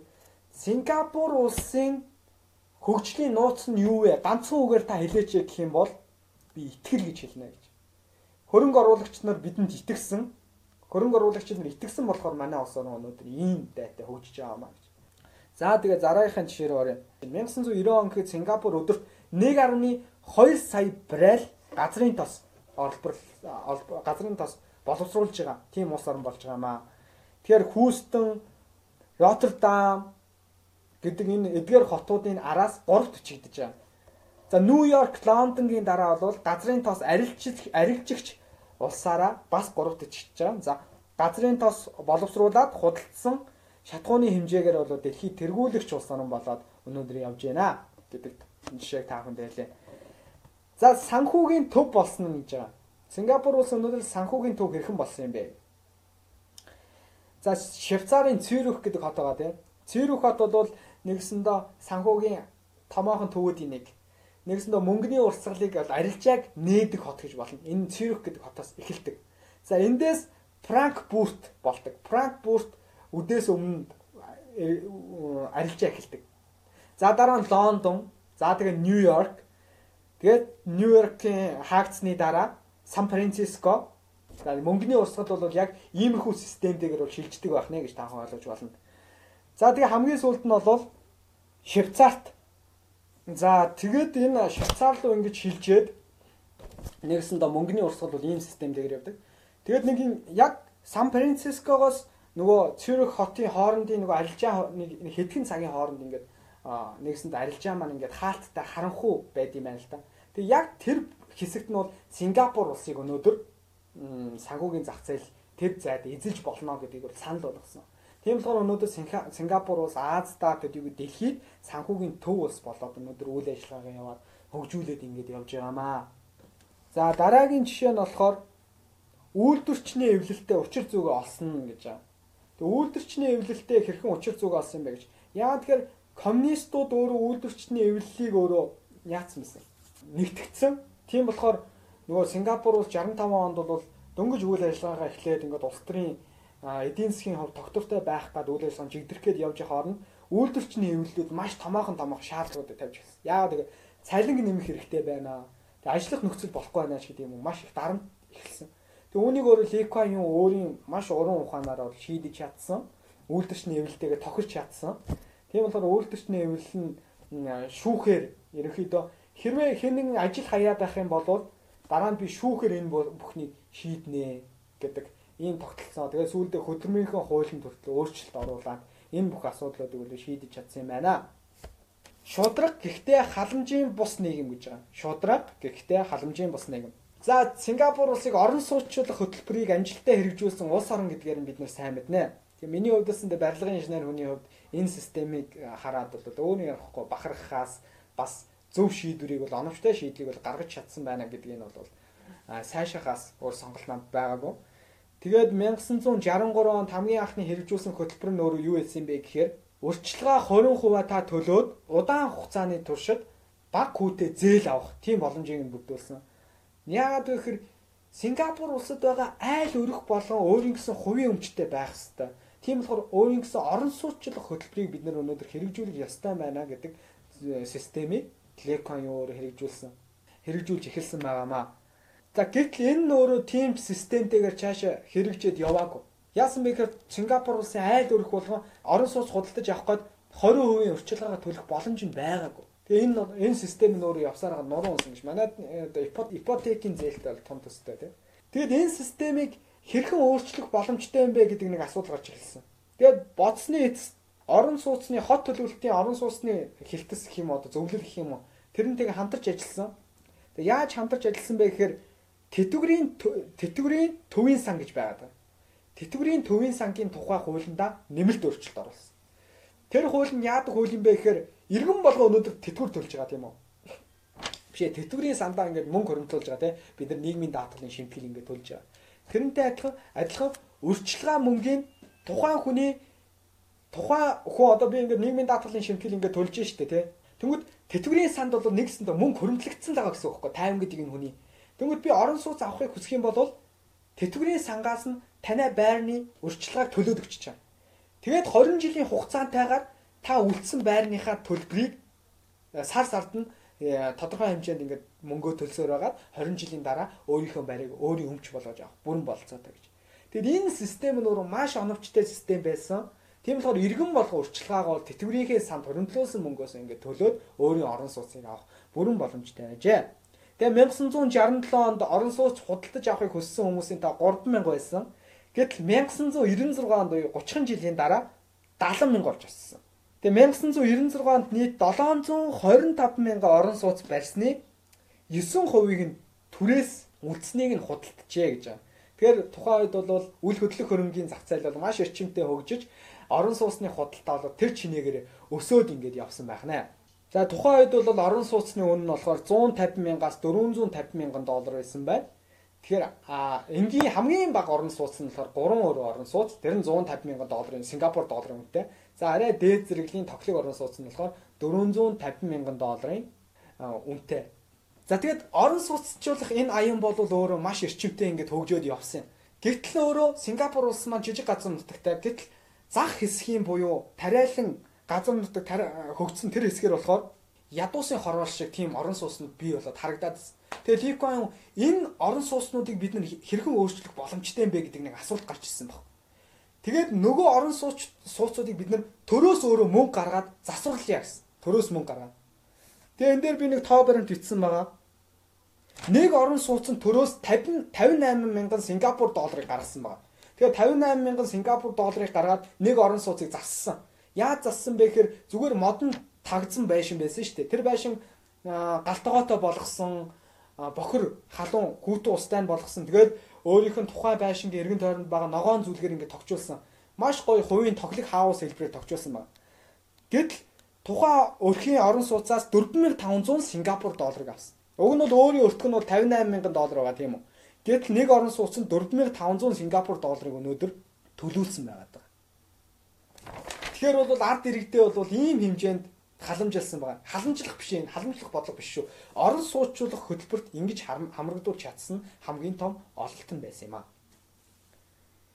За тэгтээ ингээд бүх зүйл нь ингээд сайхан болоод байсан юм уу үгүй зовлон бэрхшээл байсан үгүй байсан. Яа тэгэхээр нөгөө модон тагзанд амьдардаг жирийн нэгэн тосгоны тариалан жар дэрэгдийг нөгөө тоглох хаус руу ингээд шилжүүлээ суулгацсан чи ямар асуудал гарсан бэ гэсэн чинь ийм асуудал гарсан. Нөгөө гахай тэжээдэг хүмүүс маань гахаанаас салж чадахгүй гахаага нөгөө тоглог хауст авээц байшинда. Тэгээ нөгөө 7 давхар 9 давхар руу гахаага гаргадаг, гахаага тэжээдэг тийм систем бий болсон. Тэгээ нөгөө галуу дахиад тэжээдэг байсан хүмүүс нь галтгооныхоо өрөөндөө хүртэл галуу дахиагаа тэжээдэг. Тэгээ дундуур нь галуу дахиагаа ингээд тэжээдэг гэдгсэн те. Төнгөөтэй галтгооны хэсгээр ингээд хязгаарлалцсан бүр. Тийм системтэйгээр нэг хүмүүс маань яг тосгоны амьдралаас салж чадахгүй байсан байгаа байхгүй юу? Тэгэд ийм хүмүүсээ яаж өнөөдрийн Сингапур улсын ийм соёлтой ард түмэн болгосон бэ гэх юм бол өөрөө маш том ухаан, маш том зовлон бэрхшээлийг бол даван туулсан юм байна. Тухайд хүмүүс нь өөрөө цахилгаан шат ашигладаггүй байсан. Тэгээ хүмүүс маань цахилгаан шат ингээд ашигладаггүй байсан байна. Яагаад гэсэн чинь айдаг байсан. Тэгээ дандаа шатаар өгсөж гардаг. Тэгээ гэрэл орон сууцныхаа энэ гэрлийг хүртэл асаадгүй. Яа тэгэхээр дэлдүү керосиноор ажилдаг дэлдүү ажилуулдаг гэсэн. Нөгөө тосгоны амьдрал чи угаасаа тийм штэ тий. Дэлдүү асаагаад тэгээд нөгөө амьдрал нь үргэлжлээ явдаг. Тийм болохоор аюул сонирхолтой. Тэгээ Сингапур улс маань өнөөдөр аялал жуулчлалын томоохон цэг болсон. Гэтэл тэр улс маань бидэнтэй л адилхан улс орн байсан. Тэгээ дэлхийн хэмжээнд бол гарч чадсан тийм том улс орн болж чаджээ. За гэхдээ эрэлтийн хямрал гэж бий болсон чанаргүй барилга бий болж эхэлсэн. Маш олон барилгууд бий болж эхэлсэн. Тэгээд үл хөдлөх хөрөнгийн хөөсрөлт бол давулгаалсан. Тэр нь бол хамгийн том асуудал байсан байна. За тэгээд хувийн өмчийн сэтгэлгээ гэдэг зүйлийг хамгийн түрүүнд суулгаж өгч чадсан Сингапурын улсын энэ хөгжил Ли Куан Юугийн хувьд. За хувийн өмчийн сэтгэлгээ гэдэг нь юу гэсэн үг юм бэ гэхээр хүн ингээд түрээсийн орон сууцад амьдрах юм бол нэг өөр амьдардаг гинэ. Энэ бол тухайн өөр хүний өмч гэдэг байдлаар түүнд хайр найраг ханддаг байна. За хүн гэтэл өөрөө өмчтэй болоод өөрийн орон сууцндаа амьдраад эхлэх юм бол хувийн өмчийн сэтгэлгээгээр тухайн эд хөрөнгөдөө тухайн үл хөдлөх хөрөнгөдөө хандаж эхэлдэг байна. Тийм болохоор Ликон юу энэ онцлогийг өөрөө олж харсан болохоор орон сууцчлах хөтөлбөр буюу иргэн болгоныг орон сууц сууцтай болгох боломжоор нь Ликон юу хангаж өгсөн. Энэ хөтөлбөр нь амжилттай хэрэгжсэн. Тийм болохоор өнөөдөр бол Сингапур улсад очиход бол маш өндөр өндөр сүлэг байшингууд 1959 онд байсан тэр тосхон жирийн нэг тариачин айл өрх амьдарч исэн тэр газрыг оронгоор нь бол өөрчилж чадсан ийм эрхэм байгаа даа. Тэгэхээр хувийн өмчийн сэтгэлгээг бол бий болгож чадсан нь бол хамгийн ихний нэг том давуу тал юм байна. Сингапур улсын хөгжлийн хувь. Сингапур улс чинь 1959 онд 1965 онд тусгай тогтносон шүү дээ. Малай үндэстнээс нэгсэнд бас салаад. Тэгээ 65 он тусгай тогтнох тухайн процессд яасан бэ гэхээр 2 сая хүнтэй байсан. За тэгээд газар нутгийн хэмжээ бол дэндүү өчүүхэн штэ Монгол Улаанбаатар хотын газар нутгаас хэд дахин хэмжээгээр бага гэж боддоо. Жирийн нэг арлын тим ус байсан. Тэгээд ард иргэд нь бол жирийн нэг тариачин тосгоны амьдралтай тим хүмүүс байсан. Өнөөдөр тим хүмүүсийг 35 жилийн дотор өсрөнгүү хөгжөөд Азийн бар ус болгох боломж олцоогоор хэрхэн хангаж өгсөн бэ? Тэр улс төрийн бодлого нь өөрөө юу байсан юм бэ? Түүнийг өөрөө энэ дээр энэ номон дээр түлхүү бичиж өгсөн байна. Тэгээ энэ номыг зүгээр ингээд уншаад үзэх юм бол гол агуулга нь юу вэ гэхээр тэр хүний сэтгэл байгаа. Улс орныхоо төлөө гэсэн тэр төрийн зүтгэлтний тэр гайхалтай сэтгэлгээ тэр сэтгэл зүрх нь өөрөө өнөөдрийн Сингапур улсыг цогцлоохын гол төлхөөр нь болж гисэн юм а гэдгийг хэлхэн зүйтэй баха. За хоёр дахь дараагийн ярих сонирхолтой жишээ бол тэтгэврийн төв сан гэж байна. За өнөөдөр тэтгэврийн талаар маш их ярьж байна те Монгол улсад гэсэндээ валютын санд Монгол улс нэгдэж байгаа болохоор энэ талаар илүү дэлгэрэнгүй ярьж явах шиг. За тэгвэл би тэтгэврийн төв сан гэдэг Сингапур улс тэтгэврийн төв сангаа хэрхэн өргөжүүлсэн юм бэ? Хэрхэн тэтгэврийн төв сандаа хүмүүсийг татаж чадсан юм бэ гэдэг талаар би та бүхэнд ярихыг хүсэж байна. За 1965 онд 420 мянга байсан. Тэтгэврийн төв санд бүртгүүлж байгаа хүмүүсийн тоо. За гэтэл 1998 онд буюу 30 жилийн дараа 30 жилийн дотор 2.8 сая болж буюу энэ тоо бол 6 дахин өссөн баг. 6 дахин өссөн биз дээ. Тэгэд энэ жишээс би юу хэлхийг хүсэж байна гэхээр Сингапур улс бол өөрөө тэтгэврийн төв сан гэдэг зүйлийг маш системтэйгээр хөгжүүлж чадсан. Яаж хөгжүүлсэн бэ гэвэл та ажилдаа орлоготой байх юм бол тэтгэврийнхээ төв санд 40%-ийг хамгийн анхандаа 40%-ийг хөрөнгөлүүлдэг. Бүр 50%-ийг хөрөнгөлүүлдэг гэсэн. За тэгээд та тэтгэвртэй гарах юм бол нөгөө мөнгөө өөртөө 100 зарцуулах боломжоор нь хангадаг байсан. Тэрхүү хуримтлалаа хэрвээ ихтэй ирэх юм бол та тэндээс орон сууц худалдаж авах боломжтой.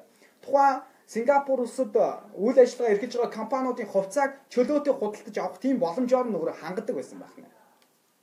Тийм болохоор тэтгэврийн төв санд бол тухайн үед 85 тэрбум Сингапур доллар хуримтлагдсан байсан. За өнөөдөр Сингапур доллар бол 1750 төгрөг байна. Монгол банкны өнөөдрийн ханшаа. Тэгээ та бүхэн бодоод үзээрэй. Гэтэл цаана 80 тэрбум доллар бол ороогүй дүн гэж байна. Энэ бол нөгөө хөрөнгө оруулалт хувьцаанд хуримтлуулсан нөгөө үр дүн байгаа даа. За ийм их хэмжээний мөнгийг бол өөрөө бий болгож чадсан байна. Тэтгэврийн төв сандаа.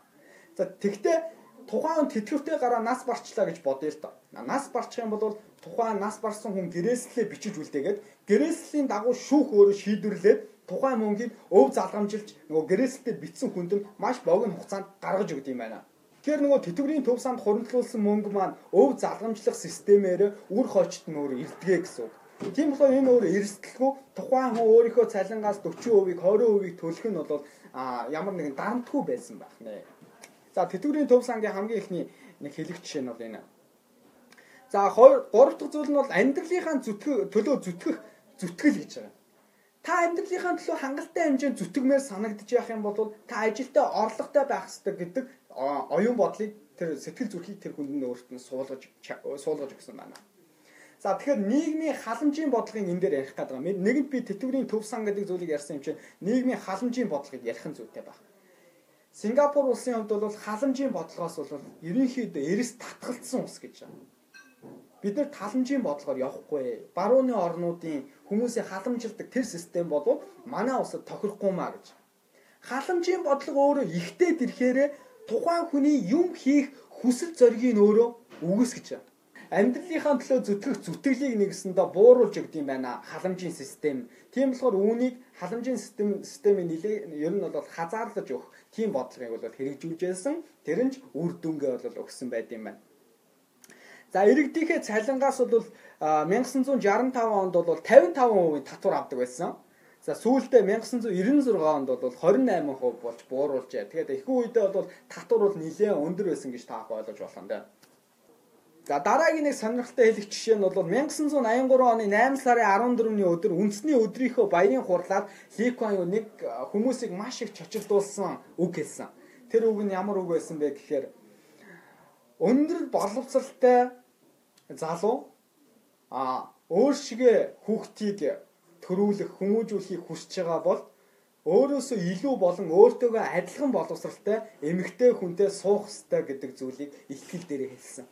За энэ ихтгэл бол барууны орнууд бол Америкийн орнуудад бол маш их шүүмжлэлийг дагуулсан. Ямар шүүмжлэлийг дагуулсан бэ гэхээр энэ хүнийг ялгуурлан гадуурхагч байна.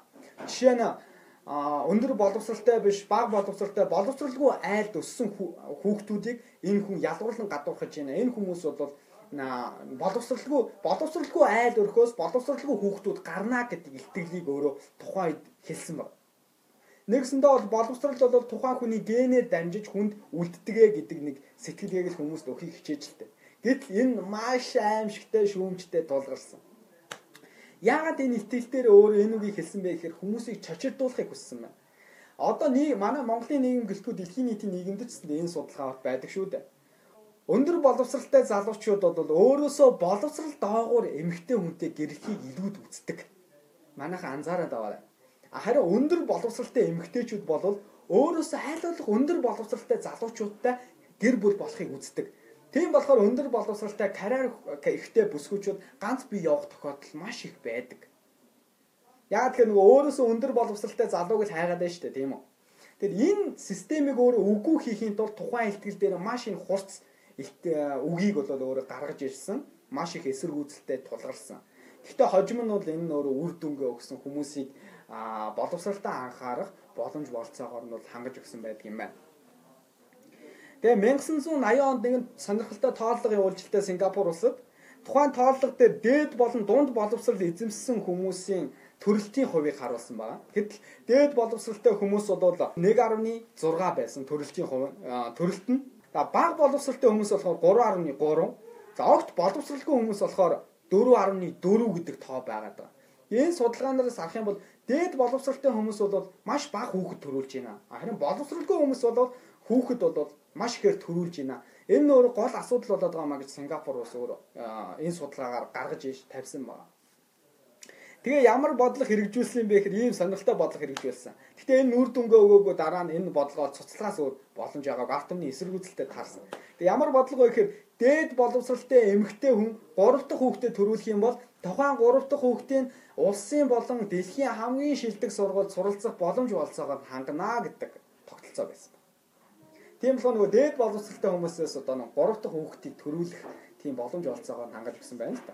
Гэхдээ энэ бол нийгмийг нэг ялгуурлан гадуурхах боловсралтай боловсралгүй гэдгийг нь хоёр хуваах тийм бодлого байсан болохоор сүүлдээ энэ бодлого бол цуцлсан байна.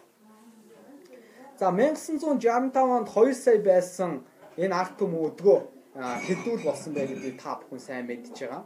Хүү амын тоо хэрхэн өссөн бэ гэж За тухайн үед бол дандаа цагаачдын цагаачдаас бүрдсэн ус орн байсан шүү дээ. Дан цагаачдыг хэрхэн ингэж нэгтгэж чадсан бэ гэдэг бол маш том төрлийн бодлого.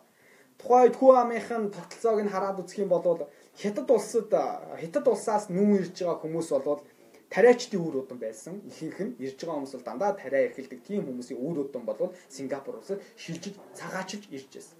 За энэтхэхээс ирж исэн хүмүүс. За энэтхэхээс ирж исэн хүмүүс бол дандаа кавчуг тариалах болон зам засах, нүх хонгил ухах ухах тийм боловсралтай тийм хүмүүс байсан. За цөөн тооны хүмүүс бол бичгийн хүмүүс байсан байна. За ийм боловсралтай ийм хэмжээний хүмүүсийг нэгтгээд өнөөдөр Азийн бар улс болох хэмжээнд нь тэр хүмүүсийг боловсрал өгж орчин үеийн соёлд хүн болоход нь хэрхэн нөлөөлсөн бэ гэдэг нэг процесс байгаа. Тэрийг би дараагийнхаа сонирхолтой жишээнд дэлгэрүүлээд яриа гэж бодож байна. За боловсролынхаа хувьд бол яаж Сингапур улс боловсролынхаа суурийг ингэж маш сайн тавьж чадсан бэ гэхээр Британи улсад бол колоничлогдчихсэн. За Британы колоничлолын үед бол олон сайн ерөнхий боловсролын сургуулиуд Британий хүчинд бол бий болсон байсан. Тухайд одоо жишээ нь 7 дугаар Эдвард хааны нэрэмжит ангаах ухааны коллеж байсан, Raffles гэдэг коллежууд байсан. Эдгээр сургуулиудыг Британи улс нөгөө колоничлж байхдаа суурийн тавиад өгсөн байсан болохоор Сингапур улс бол боловсрлаа цааш нь авч явахд бол ямар нэг асуудалгүй байжээ гэж таах ойлгож байна. За тухайн үед бүс нутгийн хамгийн шилдэг хятад сургуулиуд Сингапур улсад бий болж эхэлж байсан. Хятад сургуулиуд. За тэгээ англи хэлтэй маш олон сургуулиуд байсан. Ягаад гэхээр Британий колон колон байсан гэдгийг таахан гэлж байна. За Малай их сургууль байсан. Малай, Индонезитэй бол одоо зэрэгэлдээ оршдогчтой Сингапур улс. Тэгээ Малай их сургууль байсан. За тийм болохоор боловсролын хувьд бол нэлээд суур хундаам сайн тавигдаж өгсөн байдгаар байсан болохоор өнөөдөр бас Сингапурын үндэсний их сургуулиуд дэлхийн топ сургуулиудын тоонд ороод явж байгаа гэдгийг бол та бүхэн сүүлийн үе судалгаас харсан баг тийм. За тэгээд нөгөө эргээд бодлого дээр очих юм бол ийм бодлого байгаа. Дээд боловсралтай эмэгтэйчүүд өөртөө адилхан дээд боловсралтай залуучуудтай суух хэрэгтэй гэдэг нэг ихтгэл дээр хэлсэн шүү дээ. Тэгээд тэр бодлогоо нөгөө зохицолдуулж өгөхийн тулд ямар бодлого гаргасан бэ гэхээр нөхөрт гарсан дээд боловсралтай эмэгтэйчүүдэд орлогын татврын хөнгөлөлт олгосон байна. А дээд боловсралтай эмэгтэйчүүд одоо хүнтэй суухгүй байгаадаас нь гол асуудал болсон. Үүнийг шийдэхийн тулд та ингээ нөхөрт гарлаа. Нөхөрт гараад 3 дахь хүүхдээ гаргах юм бол орлогын татврын буцааж олгодог тийм систем өгсөн. А нөхрийнхөө болон өөрийнхөө орлогын татвараас та эргүүлэн төрөөс буцааж тийм татврын хөнгөлт авах болцоогоор нагаж өгсөн байна. За энэ бодлого нь бол тодорхой хэмжээнд үр дүн өгсөн гэрлэлтийн асуудлыг нэгсэндээ шийдэж өгсөн гэж ойлгож болно. За барууны орнуудын Аз иргэдийн цагаачлалын талаарх бодлого өөрчлөгдсөн. За 1960 онд Вьетнам болон Америкийн хооронд маш том сөргөлдөөн бий болсон. За Вьетнам Америкийн дайныг бол манайхан сайн мэднэ те. Энэ хоёр улсын хооронд. За тэр дайнаас хойш Америкийн нэгдсэн улс болон барууны орнууд, Австрали, Шинэ Зеланд гэх мэт орнууд Азаас маш их цагаачлалт иргэдийг авах сонирхолтой болж гисэн. Өмнө нь бол хоригдсан байсан. Яг л Вьетнам Америкийн дайн болж явах тэрнээс өмнөх цаг хугацаа. За тэгээд цагаачлалын бодлогоо нээлттэй тавьсан чинь Сингапурт нэг асуудал гарсан. Тэр асуудал нь юу байсан бэ гэхээр чадварлаг боловсон хүчин болон чадварлаг иргэдээ гадны улс оронд алдаж эхэлсэн. Шинэ Зеланд руу алдсан, Австрали руу алдсан, Европын орнууд руу алдсан, Америкийн нэгдсэн Америкийн нэгдсэн улс руу алдаж эхэлсэн. За энэ дээр Ликон ямар бодлого явуулсан бэ? Маш сонирхолтой бодлого явуулсан байгаа. Тэр бодлогыг та бүхэнд хэлье. Тэр нь шилдэг төгсөгч Аз иргэдийг онилж эхэлсэн байна. Жилдээ нийт хүн амын 5-аас 10% нь гадагшаа яваад эхэлсэн. Тэнгүүд нь эргүүлээд өөрийнхөө бүс нутагт бай суралцж байгаа Азийн шилдэг ихтэй зургуул суралцж байгаа залуучууд дээр очиод төгсгөөс өмнө ажлын сан тавьсан. Би танд ийм сан тавьж байна гэж судалгаа явуулсан байна. Тэгвэл нөгөө залуучууд сургуулаа төгсгөөс өмнө би ажлын байртай болчлоо гэдэг үүднээс ажлын байрны Сингапур улсын ажлын байрны сандыг шууд хүлээж авсан. Тэгээд жилдээ нөгөө Сингапур улсаас гарч байгаа 5-аас 10% гарч явж байгаа чадварлаг боловсон хүчингүүдээ эргүүлээд нөхөж чадсан байна. Аз улс. Тэгэд Европын орнуудаас болон шилдэг э, залуучуудыг өөрийн улс орондоо ажиллах боломж болцоогоор хангасан маш сайхан сайхан ажлын боломжийг тавьсан ажиллах нөхцөлийнх нь цалингийн хэмжээг нь өндөсгөж өгсөн. Тийм болохоор шилдэг чадвардаг боловсон хүчингүүдийг Сингапур улс өөртөө татаж чаджээ. За дараагийн ярих миний хэсэг бол олон аялга нэг хил гэж байгаа. За Сингапур улс бол Малай үндэстэн, Хятад үндэстэн, Энэтхэг үндэстэн, Голландын зүүн эргийн Энэтхэг үндэстэн гэх мэт 4 5 үндэстнээс бий болсон улс орн байхгүй юу? Тэр энэ олон үндэстэн тухай бүр нөөрийн гэсэн аялагтай байгаа шүү дээ. Тухай бүр нөөрийн гэсэн хэлтэй байгаа шүү. За Хятад хэл бол одоо мандрин аялаг гэдээ ороод ирчихэж байгаа. Тухай өөрийнхөө нутаг нутгийн аялга өөр нэмэгдээ ороод ирчихэж байгаа. За энэтхэг ус байгаа, малай үндэстэн байгаа. Тэгэд энэ олон хүмүүсийг тэгээд цагаан арьстай иргэд байгаа. Тэгээ Европын яамнаас орж ирж байгаа.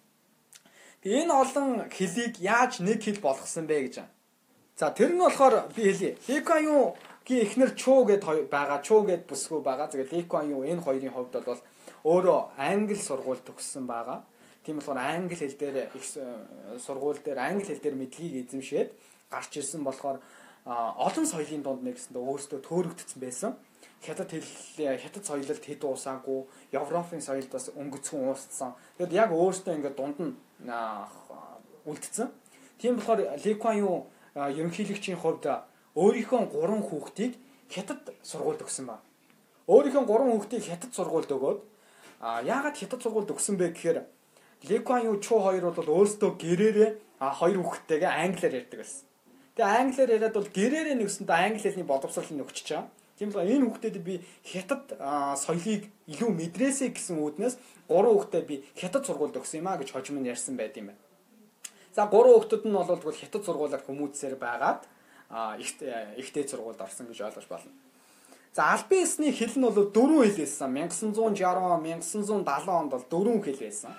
За тэр нь малай хэл байсан, энэтхэг энэтхэг хүмүүс хэрэгэлдэг хэл, за хятад үндэсний хэрэгэлдэг хэл, за дээрэс нь англи хэл гэх. Тийм дөрвөн хэлийг дөрвөлнгийн үндэсний хэл болгоцсон.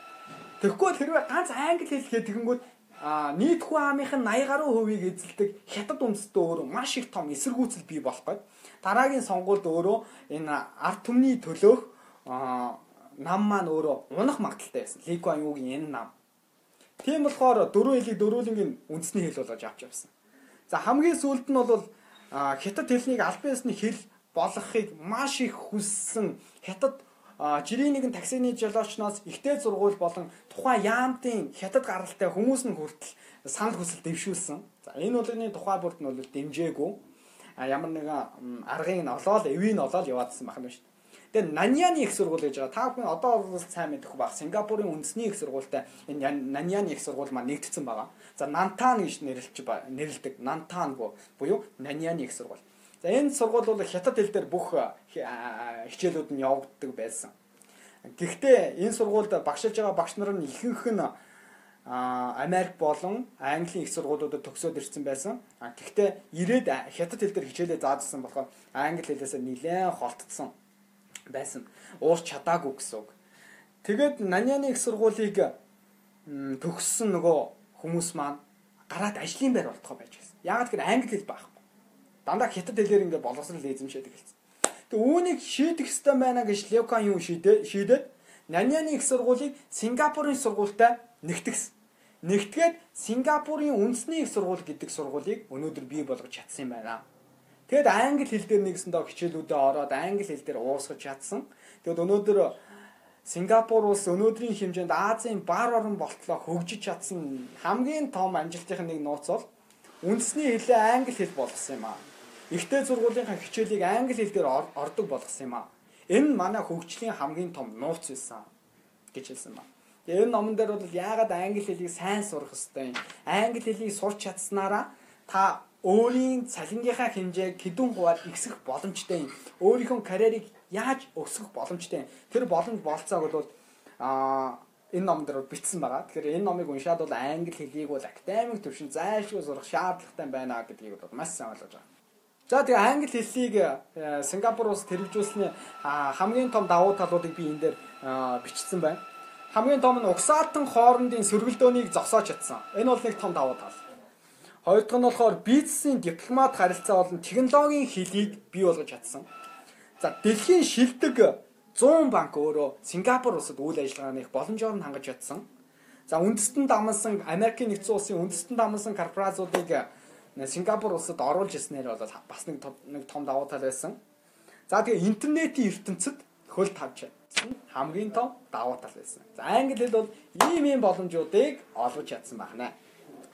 За дараагийн ярих жишээ нь бол засгийн газар авилгаас ангид ойлгож чадсан. Энэ асуудлыг шийдэхин тулд нэг ийм арга хэрэгэлсэн юм байна.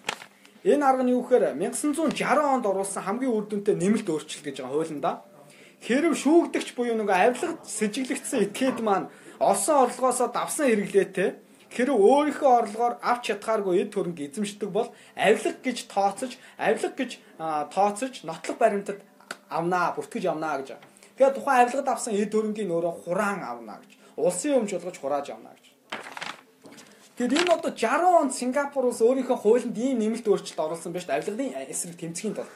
За тэгээд авилгын авилгатай тэмцэх газар нь юм одоо авилгатай тэмцэх газар нь тэр тухайн байцаагч нь маш том давуу хэрэгтэй. Хэн нэг шууд гэрчээр дуудах боломжтой. Дуудсан цагт нь тухайн хүн бол тухайн цаг бүрд нь өөрөө очих ёстой. Тийм үүргийг бүр хүлээсэн. Тэгээд Лекон юм бол өөрийн хамтран ажиллаж байсан 1959 оноос хойш хамт бүр үйлдвэрчний эвлээс эхлээд хамтдаа тэмцэж исэн тэр хүмүүсээ хүртэл авилгын хэргийг шалгаад илэрсэн ба. Тэр хүмүүсээ хүртэл маш олон хүний шоронд хийсэн. Сүүлдээ хамгийн том нэг хэрэг нь юу байсан бэ? Тухайн хамтан ажиллаж исэн сайд нь өөрийнхөө амийг олсон. Яг тэр авилгатай авилга авсан тогтоогдоод маш том стрессэнд ороод өөрөө загтал бичээд өөрөө амиа орлсон байд юм. Тэгэхээр Люкан юу бол авилгатай тэмцэж чадсан өөрийнх нь хамгийн том нэг сорилт буюу өөрийнх нь том зоригтой хийсэн шийдэмгийг алах нь байжээ. За 1989 онд бол авилгатай тэмцэх хуулиндаа ийм өөрчлөлт оруулсан байна.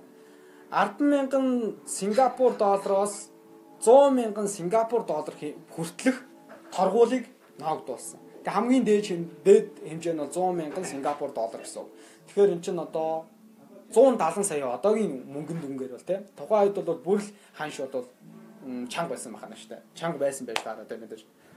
За дараагийн авилгатай тэмцэхнийг алах нь болохоор сонгуульд ялахын тулд их хэмжээний мөнгө зарцуулдаг байсан энэ тогтолцооноос өөрөө Сингапур улс татгалзаж чадсан.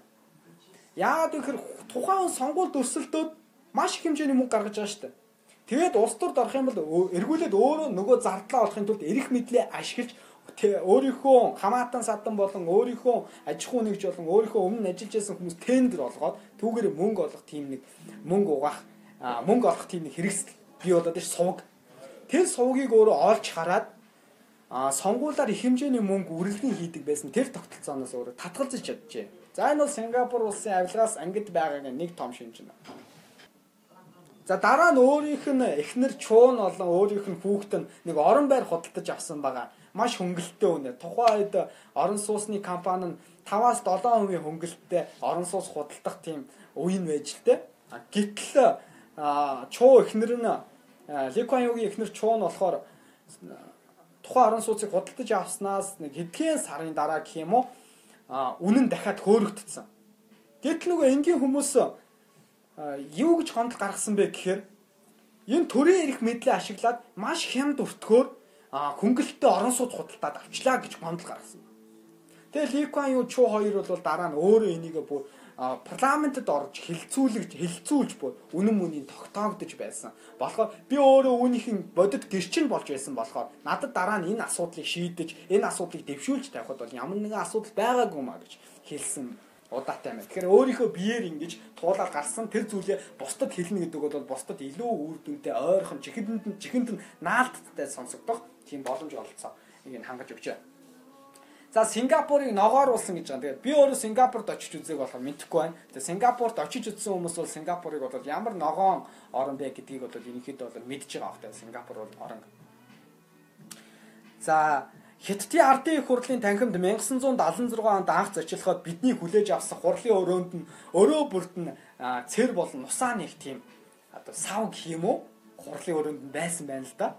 Тэгээ түүнийг харчаад эргээд нөгөө 1966 онд компанид ажиллаар биш хятадын их хурлын нэгэн эрхэм Сингапурт очихт нь энэ нэг цэр нусаа хайдаг юм сав бэлдэх систем байна гэд хурлын өрөөнд хүртэл байшилж байсан.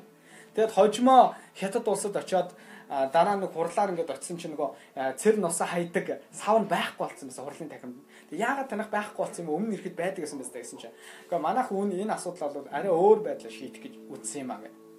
Тэгээ тухайн үед бол нөгөө хятад хүн гэдэг юм мэдэн штэ нөө. Бодомжинд хаал явсан газар хятад цэр нусаа хайж идэг тий. Эртний тэр хятад хүмүүсийн манайхан тийм нэг төсөөл байдаг да тий. Тэгээ тэр асуудлыг хэрхэн шийдэж чадсан юм бэ гэж.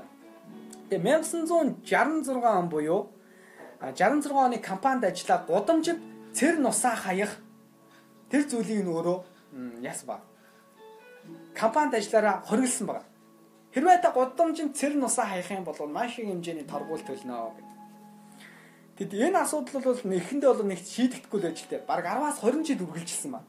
Гэтэл таксины жолооч нар цонхоо нэгээл цонхоороо нусаа хайдаг, цэрээ хайдаг зүйл нь хэвээрэл байгаад байна.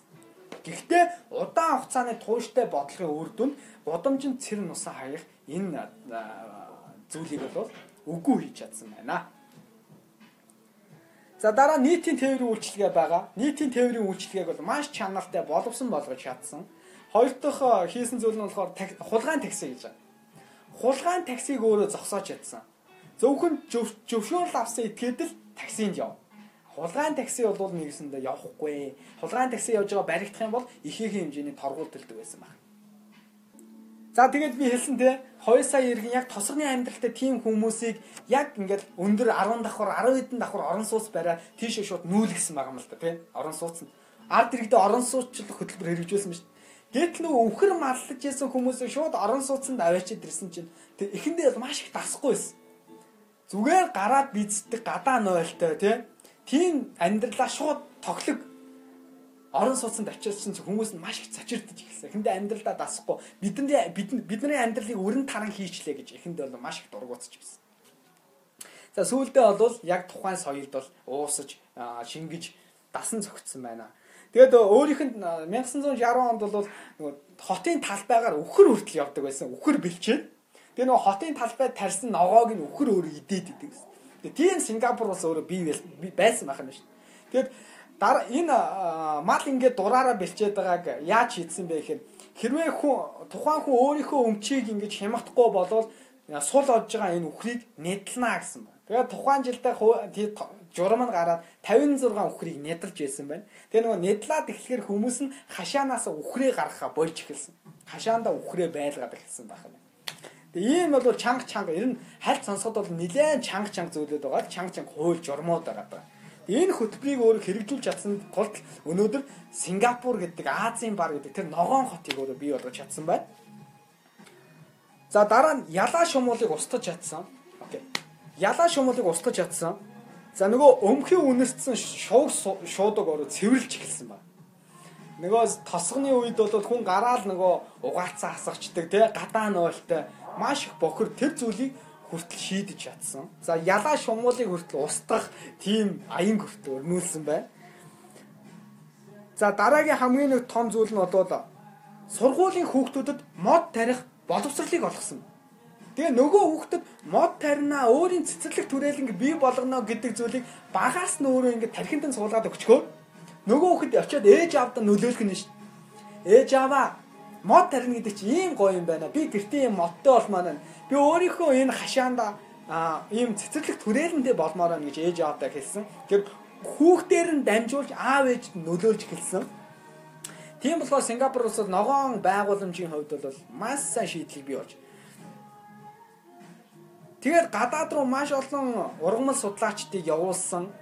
Тэгээ гадаадын 8000 гаруй төрлийн модыг авчирч суулгасан. Гэхдээ түүнээс 2000 орчим мод нь аа яг тухайн Сингапур улсын цаг агаарын нөхцөлд дасан зохицоод аа ургасан байна. За ногоон байгууламжийн асуудлыг бол шийдэж чадсанараа дараагийн нэг том асуудал нь болохоор нөгөө хурын ус буюу борооны усыг өөрөө цуглуулж эхэлсэн. Сингапур улс бол цэвэр усаа гаднаас худалдаж авдаг. Хэрвээ та Сингапурт очисон бол колон илүү хямдхан байгаа. А цэвэр ус нь бол юу байгаа? Илүү үнэтэй байдаг. Тэгэхээр нөгөө цэвэр усыг бодвол гадаад орноос худалдаж авдаг байсан болохоор энэ өөрөө а хурын усыг буюу борооны усыг илүү хуримтлуулахыг хичээсэн. За тэгээ борооны усыг яаж хуримтлуулсан бэ гэхээр 2400 мл ордог хур борооны уснаас хуримтлуулан 70 барих хугацаа бий болгосон. Нэгэсэндээ борооны усыг бол 70-нд хуримтлуулж эхэлсэн. За тухайн 70-г бол 10 жилийн хугацаанд барьж босгосон байд юм байна. За тэгэд өнөөдрийг хүртэл бол тухайн дааланда уус хуримтлуулсаар байгаа. Тэгээ 1980 он гарахад өдөртөө 63 сая галлон уус буюу тухайн Сингапур улсын нийт хүн амын тал хувьтай нийт хүн амыг хагас өдрийнх нь усаар хангах хэмжээний усыг хуримтлуулсан байд юм байна. Тэгэд ус бол Сингапур улсын хувьд бол хамгийн том өмч нь тэр ч утгаараа борооны усыг бол ингэж хурааж авсан юм байна. За дараагийн нэг томоохон алхам бол Сингапур бол Сингапур гол болон Колон гэдэг хоёр голоо бол цэвэршүүлж чадсан. Маш их бохирдолтой байсан. Тухайн голын дагуу байдаг а гахай яадаг тэжээдэг хүмүүсийн нөгөө гахаан ялагдсан шууд гол руугаа ордог ойр орчимд байдаг айл орхин шууд гол руугаа бохироо хийдэг тийм заван байсан. Тэгээ хажуугаар нь явхад хүртэл өмхийн үнэртдэг байсан. Тэгэд энэ Сингапур голыг бид нар цэвэршүүлэх ёстой гэдэг бодлого хөтөлбөр хэрэгжүүлсэн. Эхэндээ маш олон хүмүүс инээд нь хүрч байсан. Яаж энийг цэвэршүүлэх юм бэ? Энэ бол маш хүндрэлтэй гэж. Гэтэл хожимо Сингапур голыг сүндэрлүүлж цэвэрлэж чадсан Тэгээд Индонезиас элс хүртэл худалж худалдаж аваад Сингапур гол дээр нарын шарлагын газрыг хүртэл өнөөдөр бий болгож чаджээ. Тэгээд та бүхэн Сингапур улсад очих юм бол тэр Сингапур голын дэрэгдүүр явах юм бол маш өндөр өндөр сүрлэг байшингууд нь боссон нөгөө эртний тосгонуудын тосгоны байшингууд биш шилдэ өндөр өндөр шилэн зочид буудлууд цөндөрлсөн наран шарлагын газартай загас барихыг хүссэн хүмүүс нь очоод загсаа барьдаг тийм цөөрөмтэй тэр хүмүүст бүр зориулсан тэр хүмүүсийн хоббид нь нийцүүлсэн гайхалтай гайхалтай цөөрмүүдийг энэ бий болгоцсон байдаг байдгийн байна. Тэр нь өөрөө аялал жуулчлалын нэг том субъект а тухайн улсынхаа төсөвд оруулж яж байгаа нэг том хөрөнгө юм байна шүү. За мэдээж дараагийн шийдэж чадсан асуулт нь агаарын бохирдлын хэмжээ. За энэ бол Монгол улсад маш их тулгамж байгаа. Гэхдээ өнөөдөр хавар болж байна. Агаарын бохирдол бол хэсэгхэн хугацаанд мартагдах хэмжээнд ирчлээ. За агаарын бохирдлыг хэрхэн шийдэж чадсан юм бэ гэж. Энэ бол ногоон байгууламжаараа шийдэж чадсан. Иргэн бүр мод тарих ёстой байна. А гэхдээ модоо тариад орхих биш тэр модоо арчлах хэрэгтэй байна гэдэг нэг системийг багаас нь боловсрлоор нь олгоод эхэлсэн. Тийм болохоор агаарын бохирдлыг бол шийдэж чадах нэг арга нь бол энэ байсан. За хуучны барилгыг нураагаад шинэ барилга болж эхэлсэн. Гэхдээ хуучны барилгын нураагаад шинэ барилга барихдаа хөшөө тусгал болон турхайн Британий колоничлт байсан тэр эртний барилгуудыг бол нураагааг үлдсэн. Түүнийг бол аялал жуулчлалын зорилгоор түүх болон хадгалж үлдэхийн тулд тэр барилгуудаа хадгалж үлдсэн байна. За дараагийн Сингапур улсын нэг тэмцсэн зүйл нь болохоор хорт зуршилтэй тэмцсэн. За Сингапур улсад тамхины тухай хууль бол ямар хууль байдгийг та бүхэн сайн мэднэ. Олон нийтийн газар тамхи татах юм бол ямар хэмжээний төлбөр төлдөг вэ гэдгийг та бүхэн сайн мэднэ. Тэгэхээр тамхитай бол маш сайн тэмцэж чадсан. Хоёр дахь шийд тэмцсэн зүйл нь богц ажиллах. За богц ажиллахтай тэмцэнэ гэд анхандаа хэлэхэд Америкийн нэгдсэн улсын сэтгүүлүүд Сингапур улсыг дооглосон байна л да. Асрагч улс гэж. Сингапур бол асрагч улс юм а гэдэг томоохон нийтлүүд гарсан. Кикаын тухайн үед энэхүү нийтлэлийг сонсчоод ямар хариу барьсан бэ гэхээр өнөөдөр та бүхэн инээж байна. Гэхдээ эцсийн дунд нь хамгийн сүлд инээх хүмүүс нь бид нар байх болох юм а гэж энэ үгээр маш гайхалтай хариултыг өгсөн.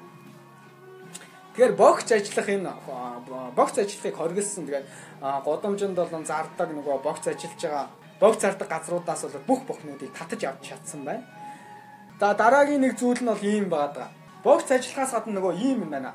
Гудамжаа цэвэрлж чадсан. Сингапур улс бол гудамжинд хоол зардаг байсан, гудамжинд худалдаа наймаа эрхэлдэг байсан хүмүүсээ бүгдийг нэг цэгт төвлөрүүлж чадсан. Тэгээ нөгөө гудамжинд түрээс төлдгүү байсан хүмүүс ба нэг цэг төвлөрөөд түрээс төлөө төсвийн орлогыг бүрдүүлээд эхэлсэн байгаа. Тэгэхээр нэг цэг төвлөрөөд эхэлсэн. За нь илүү маркетинтэй, нь илүү менежменттэй бай, тэр хүн өөрийнхөө худалдааг илүү явуулах тийм өсөлтөөнийг бий болгож ш нэг цэг төвлөрүүлээд. Тэгээ Сингапур улс бол энэ замбраагүй байсан энэ хот төлөвлөлтөө бүгдийг нэг нэг цэгт аваач төвлөрүүлээд хотоос гаргахыг гаргаад энэ нөөрөө маш том эрсдлийг дагуулсан хэрнээ хожимоо бол маш том оновчтой шийдэл болсон. Тэгээ би Сингапур улсыг хараад байгаа байхгүй манай хотод 4 жилийн сонгуулийн системтэй тий нөгөө дараа жилийн сонгуул сонгогчдоо алдахгүй тул манайх ингээ халамжийн бодлого хэрэгжүүлээ иргэн болгон таалагдах бодлого хэрэгжүүлээд байгаа байхгүй. А Сингапур улс Ли Куан хувьд бол маш зөрөгтэй зөрөгтэй шийдвэрүүд гаргасан. Өнөөдөр 50-нд илүү таалагдгаас илүүтэй нийтийн эрх ашигыг ботсон бодлогууд нь гаргасан болохоор Сингапур улс өнөөдөр дэлхийн хэмжээнд Азийн бар улс олон хөгжиж чадсан юм аа. Тэгээд Ликон юугийн хувьд бол 50 гаруй жил тухайн Ликон юугийн нам нь өөрөө сонгуульд ялсан байд юм байлээ. Тэгээд 50 гаруй жил нэг намын нэг нам ингээ ялаа явна гэдэг бол ард түмнийхээ итгэлийг ямар өндөр хэмжээнд хүлээж чадсан юм бэ гэдгийг тааг ойлгож байгаа. За Чанг гэдэг нисэг онгоцны буудлын тухай яриа. За Сингапур улсад очисон бол Чанг гэдэг энэ хүн нисэг онгоцны буудлын дээр та зочилж үзсэн баг. За энэ бол 1.5 тэрбум доллараар боссон нисэг онгоцны буудлаа гадаг. 1.5 тэрбум. За хотынхон төв рүү бол 20 км хурдны замаар яваал орчин. Ердөө та 20 минут яваал хотын тохон төв рүү орно. За энэ яагаад нисэх онгоцны бодлыг би онцолж яриад байгаа юм бэ гэхээр тухайн Сингапуроос анх удаа очиж байгаа за хөрөнгө оруулагчид нар болон шинээр очиж байгаа аялал жуулчлалаар очиж байгаа жүүлчид нөгөө онгоцны бодлоос хот руу явна шүү дээ тий. Тэгэд нөгөө хурдны зам нь өөрөө далай дээгүүр баригдсан. Тэнгүү та ингээ хурдны замаар явж байгаад баруун гар тишээ харах юм бол далай харагдана. Зүүн гар тишээ харах юм бол маш сүрлэг сүрлэг гоёмсог шилэн басаадтай өндөр барилгууд харагдана. Маш гоё ногоон байгууламж харагдана. Тэгээд дөнгөж Сингапурт бууж байгаа хүн чинь юу тийм өндөр сэтгэлдээ очиж байгаа юм чинь тухайн Сингапур улсаар аялахыг хүснэ. Аялал жуулчлалыг ингэж татаж чадсан байна. Томоохон томоохон үндэстэн дамсан корпорациудын хөрөнгө оруулагчдыг ингэж татсан байх нэ. За хоёр дахь дараагийн шийдэж чадсан асуудал нь болохоор за замын түжиглийг яаж шийдсэн бэ гэхээр шинээр орж ирж байгаа гайлаар орж байгаа машиныг тухайн Сингапур улсад хэрэглээнд байгаа машины 3%-аас хэтрүүлэхгүй гэсэн тогтоомж гаргасан. Тэгэхээр одоо Монгол улсын зах зээл дээр нийт хэдэн машин байна? Тэр машинаас а 3%-аас хэтрүүлэхгүй машин гайлаар орж ирнэ. Тэгэхээр энэ нэг түгжиглийг шийдэх том алхам болж чадсан уу? Чадсан байх нь. Дараагийн зүйл нь болохоор шинэ машин худалдаж авахыг хүссэн хүн эрхийн сертификатыг дуудлага худалдаагаар худалдаж авдаг. Тэгээ энэ дуудлага худалдаа эрхийн сертификатын үнэ гэсэн чинь 1994 оны байдлаар за 2000 мотортой машин 2000-аас дээш мотортой машины хувьд болохоор 100 мянган Сингапур доллар гэсэн. Энэ үнэ бүр цаашаа өссөн биш. Тэгэхээр би өнөөдөр ганц машин худалдаж авахын тулд 100 мянган Сингапур доллараар нөгөө сертификатыг дуудлага худалдаагаар худалдаж авна штэ. Тэгээ би машиныг худалдаж авна. Гэтэл нөгөө машинаа би насан туршдаа онохгүй. Энэ өөрөө 10 жилээр унах эрхийн сертификат гэхгүй. Би 10 жил машин унчаад дахиад сертификат худалдаж аваа дахиад 10 жил унаа. Тэгэхээр би машин унахын тулд ийм их хэмжээний мөнгө төлдөг байхгүй. Тэгэхээр хүн болгон машин авахыг хүсэхгүй үстэй. Эргүүлээд нийтийн тээврийг нийтийн унааг нь маш соёлтой боловсон шилдэг үйлчилгээг хангаад өгсөн. Тэгэхээр би ийм их мөнгө төлж машин авахыг биш машин авахыг хүсэхгүй ш. Тийм болохоор би нийтийн унаагаар ингэж явахыг илүүд үзэн шүү. Үздэг, илүүд үздэг. За тэгэхээр машин бол ийм үнэтэй байсан. За гэхдээ энэ 100 мянган Сингапур долларыг би төлөхөөс гадна энэ дээр импортын гайлаар орж иж байгаа импортын татвар нэмэгдээгүй шүү. Тэгэхээр импортын татвар нэмэгдэх юм бол бүр үнэтэй машин би худалдаж авах нь шүү. Тэгэхээр Сингапурт бол нилээн баян шинэлэг хүмүүс л машин ундаг байх нэ гэж ойлгож болох нь. За дараагийн замын төвжирлийг шийдсэн асуудал бол зөвшөөрлгүй систем гэж байна зөвшөөрлгүй бүсийн систем. Яг оргил цагийн ачааллаар манайхан бол одоо яг оргил цаг хүүхэд хүүхдээ хүргэж өгөх хүүхдээ орой цэцэрлэгээс нь авах энэ үед төгжил үүсэж байгаа шүү дээ. Яг энэ оргил цагийн үеэр тухайн төгжилд үүсэж байгаа замын хэсэг дээр хураамж авдаг болсон. Тухайн нөгөө яг үүсэж байгаа бүс рүү та нэвтрэхдээ хураамж төлөөд ордог болно гэсэн. Тэгээ нөгөө хүмүүс хураамж төлдөг тийм замаар явхаас биш арай өөр замаар ингээ тойроод ингээ явахыг хүсэж зарим хүмүүс. Энэ нэг шийдсэн алхам. Зараа нь замын электрон төлбөрийн систем гэж байгаа. Та тухайн машиныхаа урд нүүрэн дээр ухаалаг карт наа чинь төлбөрийн карт. Тэгээ та нэг э, замын замаар нэвтрэн штэ. За уулзраар уулзраар нэвтрэх болгондоо нөгөө картаа уншуулна. Картаа уншуулж зам хэрэгэлсний төлбөр хураамж төлнө. Тэгж нэвтрдэг байсан. Энэ нь өөрөө замын төгжрлийг шийдэх нэг том алхам болсон байна. Тус номыг өгүүлэгч Ли Куан Ю өөрийн шаргуу зүтгэлээр Сингапурыг улс төр, шинжлэх ухаан, өндөр технологийн төв дэлхийн худалдааны чухал зангилаа болгож чадсан билээ. Энэ номоос та Ли Куан Ю бол чадварлаг туслахууд нөхдөр бага бүрдүүлсэн гайхалтай өдөрдөж байсан гэдгийг олж харсан гэдэгт миний хувьд туйлын хэтгэлтэй байна. Түүнийг улс орноо удирдсан жилүүдэд ажлын байр тасралтгүй нэмэгдэж, улмаар улс орн нь баян болж хүн амынх нь амьдралын төвшин дэлхийн хамгийн баян орнуудынхтай зэрэгцэж очсон гэдгийг та бүхэн дуулах нь зөв баха. Энэ хүртэл тууштай байж хамтдаа байсан сонсогч танд маш их баярлалаа. Сэгэтэн подкастыг үргэлж сонсдог сонсогч та яг одоо юу их юм маш сайн мэдж байгаа. Хэрвээ энэ энэ удаагийн дугаар танд таалагдсан бол тус дуу подкастыг скриншот хийгээд өөрийн Instagram story дээр миний Instagram хаяг болох тайвна цэгбэ гэсэн хаягийг дурдаад бидэнд хідэн талангуй сэтгэлээ ирүүлэх боломжтой байгаа. Дараа дараагийн дугаараа дахин уулзлаа түр баяртай. Ингээд өөртөө хүсдэг хамгийн өхөрдөм хайр дурлал, аз жаргал, инээд хөрийг та нартай хүсье.